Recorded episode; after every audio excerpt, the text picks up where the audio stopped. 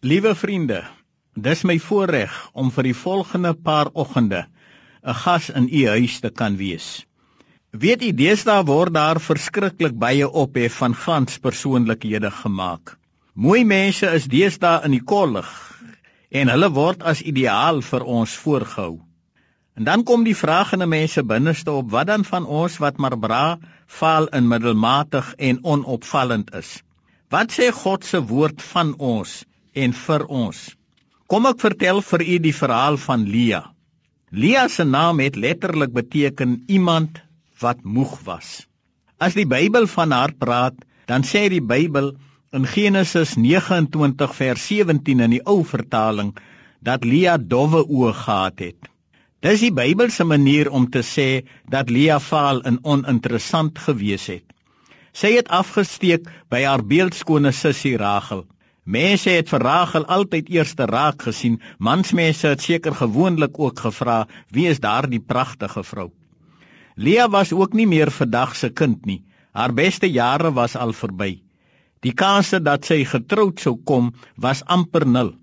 Daarom moes haar pa bedrog pleeg om vir haar getroud te kry.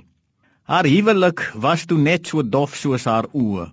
Sy moes met die wete saamleef dat sy die tweede beste was dat Jakob se hart eintlik aan sy tweede vrou, aan Rachel behoort het.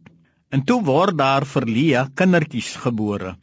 Die eerste kindjie het sy Reuben genoem. Reuben het beteken om saam te bind.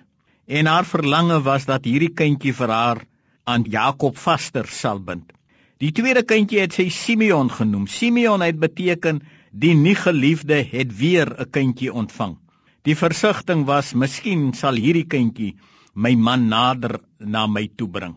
En dan later as die vierde kindjie gebore word, dan kom 'n mens agter Lea het verander. Lea het haar plek aanvaar. Lea het aanvaar dat sy nooit Rachel sou wees nie. Daarom het sy haar vierde seentjie Juda genoem. Juda se naam het beteken prys God. Sy het geleer om op te kyk na God en haar omstandighede aan hom toe te vertrou. En weet jy toe Jakob sterwe, het hy op sy sterfbed gesê begrawe my by Lea my vrou met die dowwe oë want Jakob het uiteindelik die skoonheid van Lea se siel raak gesien. Lea se verhaal is u verhaal en my verhaal. Dis die verhaal van mense wat nie honderde talente het nie. Mense wat ook nie buitengewoon slim of begaaf of mooi is nie. Dis die verhaal van mense wat nie die voorblaaie van koerante haal nie en soms ook maar moeg raak en wil uitsak Lia se verhaal sê, God is ook die God van die dowwe oë mense en God se boek wemel van sulke mense. Wees dan vanmôre daders van die woord.